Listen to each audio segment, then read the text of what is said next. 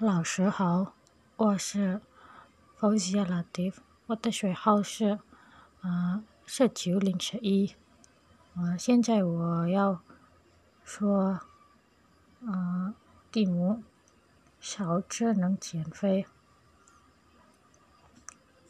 呃，我认为少吃能减肥，但是不多人能做到，因为瘦和胖也取决于一基因。